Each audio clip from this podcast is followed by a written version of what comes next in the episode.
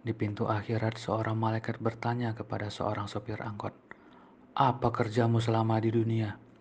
"Saya sopir angkot, Pak."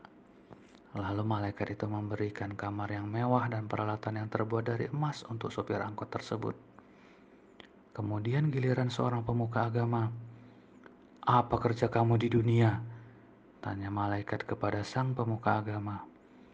"Saya juru dakwah, pemuka agama, Pak." Lalu malaikat itu memberikan kamar yang kecil dan peralatan dari kayu. Melihat itu, sang pemuka agama protes.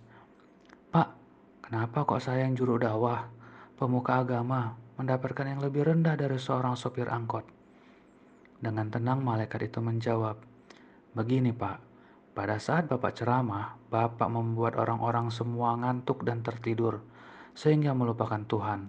Sedangkan pada saat sopir angkot mengemudi dengan ngebut, ia membuat orang-orang berdoa.